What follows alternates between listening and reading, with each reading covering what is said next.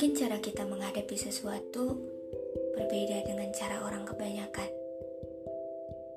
Tapi hanya karena caranya beda, bukan berarti kita tidak dapat kesempatan.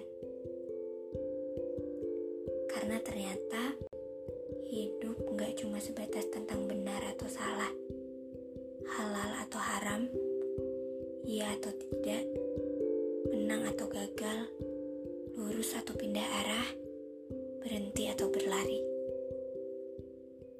Hidup gak cuma tentang hitam atau putih, tapi kadang kita harus sampai di daerah abu, di persimpangan jalan, di proses panjang yang melelahkan, untuk tahu caranya bertahan.